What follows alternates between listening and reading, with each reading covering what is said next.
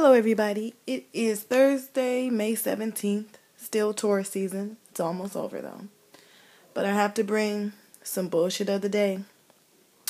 You know, here, the dope thing about Anchor is that you get to be yourself on here. I got a couple of turds to drop off at the pool. I got to drop some kids off at the pool. That's what my brother says when he has to take a poop. So let me get some shit. Let me just let some shit hit the fan really quick. Okay. Here's the first story that really pissed me the fuck off. No, I'm gonna drop the F bomb. The fuck off. Okay, so a mother and son was driven off the road and, and attacked while being called racial slurs. Okay, let me just set this up for you. A woman and her 17 year old son were driving in their vehicle on the freeway, and um, she explained that they, some people got behind her and tried to run, run her off the road. So they were going to um, Lathan Farms. I guess that's like a, a shopping plaza. I'm not exactly sure. It sounds like Aurora Farms here in Ohio, here in, outside of Cleveland. Cleveland, Ohio. But we have Aurora Farms all over. But it sounds like an outlet mall. But um, she was taking her 17 year old son because he's soon to be a grad, high school graduate. So she wanted to take him there to fill out some job applications and she describes a truck with green lights on top of it rammed her car into the shoulder. And she said all her son kept saying was, Mommy, they're going to kill us. They're going to kill us. And she said, I'm sitting there driving like I, I'm ducking down in the seats. This is what the, the woman driving, the black woman, black mom, is explaining.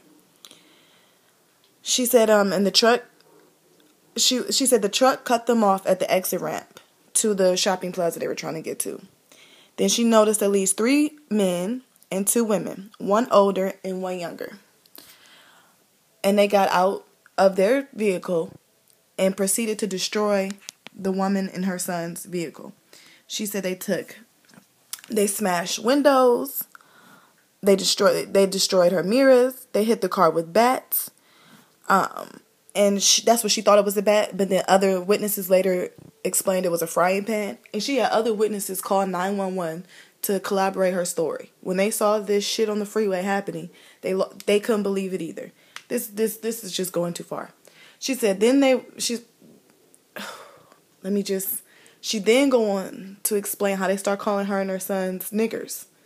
She she said they they identified themselves as white supremacists and niggers don't belong in their country. Her son, who was in the passenger seat managed to call 911 and they were able to go get away unharmed. Their vehicle had over $3,000 worth of damages though. And she also, the mom explained, the woman driving, the black mom explained that she doesn't feel safe living in her home anymore because she's seen the same vehicle drive past her home twice. The same vehicle that the people got out and destroyed her car she saw that vehicle riding around her neighborhood, past her house twice, at least twice.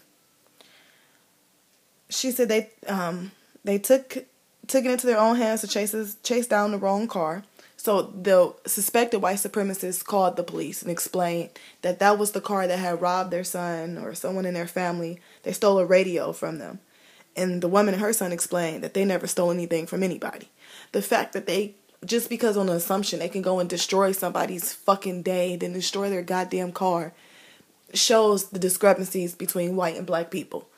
Because, and here's the thing: the fucking people called the police, right? They they're on record saying that they did this to someone. Why the fuck aren't they arrested? I mean, see, people have people. You know what? I think our country has really has a program in people's mind because something is legal, it's right. There's plenty of fucked up shit that was perfectly legal slavery being one of them. Slavery was perfectly legal. Three fifths a person was perfectly legal. Jim Crow, segregation was perfectly legal. They had to make all this shit was perfectly legal. So pretty much treating black people badly was never illegal. But I guess now, you know what I'm saying, with because of the internet, we really showing some bullshit. You know what I'm saying? We calling people's bullshit now. The next story I want to talk about is you all remember Be- Barbecue Becky. Afropunk wrote some interesting articles about how white women's tears can often be deadly for black men, especially, but black people in general, right? So be careful. I tell black women all the time be careful who you call a friend. These so called feminists don't give a fuck about us. the one woman, I want to say her name was Miranda. I'm not really into country music, but I remember uh, the one that was married to the guy from The Voice. They got a divorce because I guess she cheated on him. But um, I think there she was at the Country Music Awards when she was condemning Chris Brown for hitting Rihanna. You know, she was explaining how her father gave her a shotgun or a Louisville slugger or some shit to protect herself against men who beat women. So where the fuck was this white woman when Rihanna was was mad at Snapchat because they um, said something about being smacked? Okay, Rihanna is a de- domestic violence survivor, right? So if you want to condemn Chris Brown, white woman, why didn't you condemn Snapchat? This Snapchat is worth millions and millions of dollars, right? Their their treatment of black women really can have an impact. You know what I'm saying? If you really want to, and that's why when Chris Brown said she was doing it for publicity, I understood his point much better after she didn't say anything to Snapchat. You know, I find that very, very interesting. You know, so be careful when you go to white women, black women, listen to me carefully. Be careful when you go to white women telling them your problems. They do not give a fuck unless they're your problems can benefit their overall agenda for whatever the fuck they want to, I don't know, whatever their agenda may be. Margaret Sanger's was eugenics, but now it looks like family planning. Be careful. Be careful who you go to in your in times of need. You know, when when we're desperate, we make desperate decisions. Be careful who you go to in that desperation. Because I don't think white women ever gave a fuck about black women at all. They saw us being raped, abused, they saw us pregnant, working in the fields, and they never batted an eye to give a fucking hand.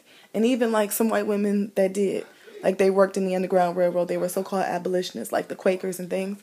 They didn't fuck with black people. They just thought slavery was wrong because they did believe we had souls. But they didn't want to fuck with us on a day to day basis, like in society for real.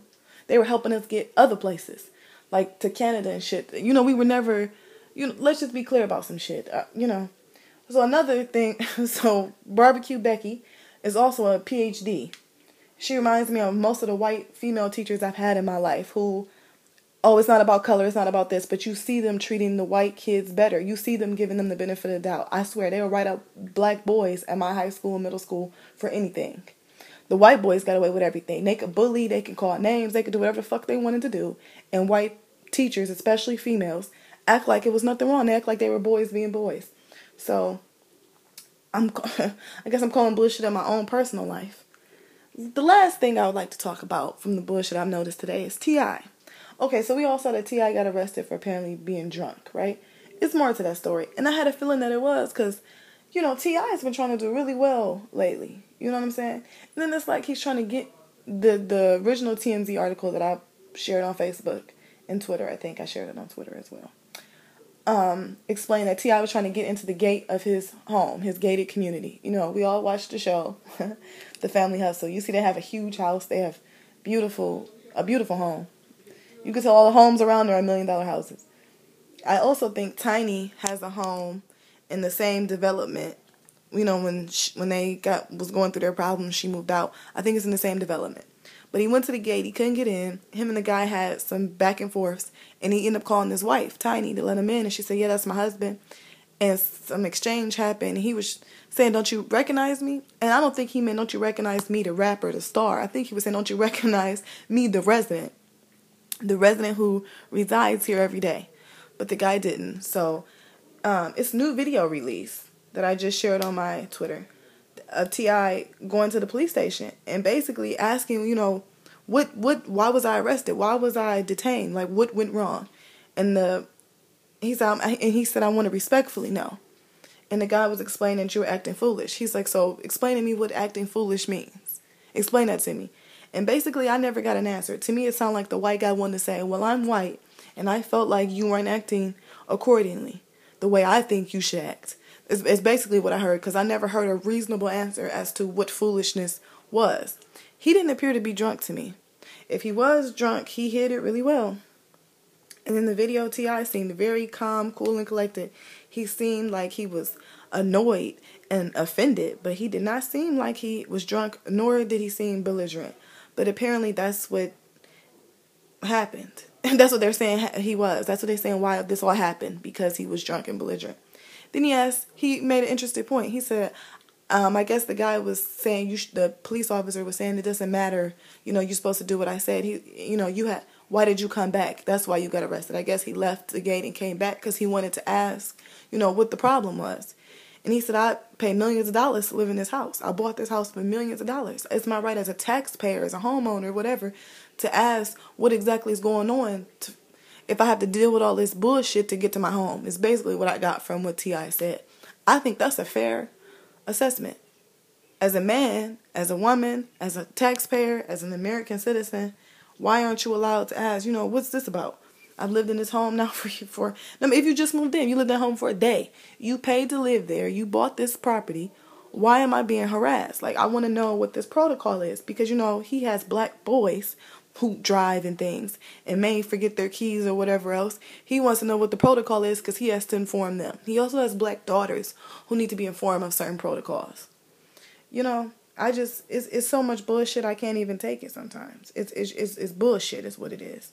And I think that people are sick of the bullshit.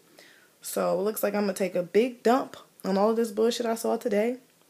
From white Becky to these white racist officers to people not getting any justice for this woman getting her car smashed in and the police still have not found the suspects. I, you know, I, I guess I'm just waiting for the day black people get some justice.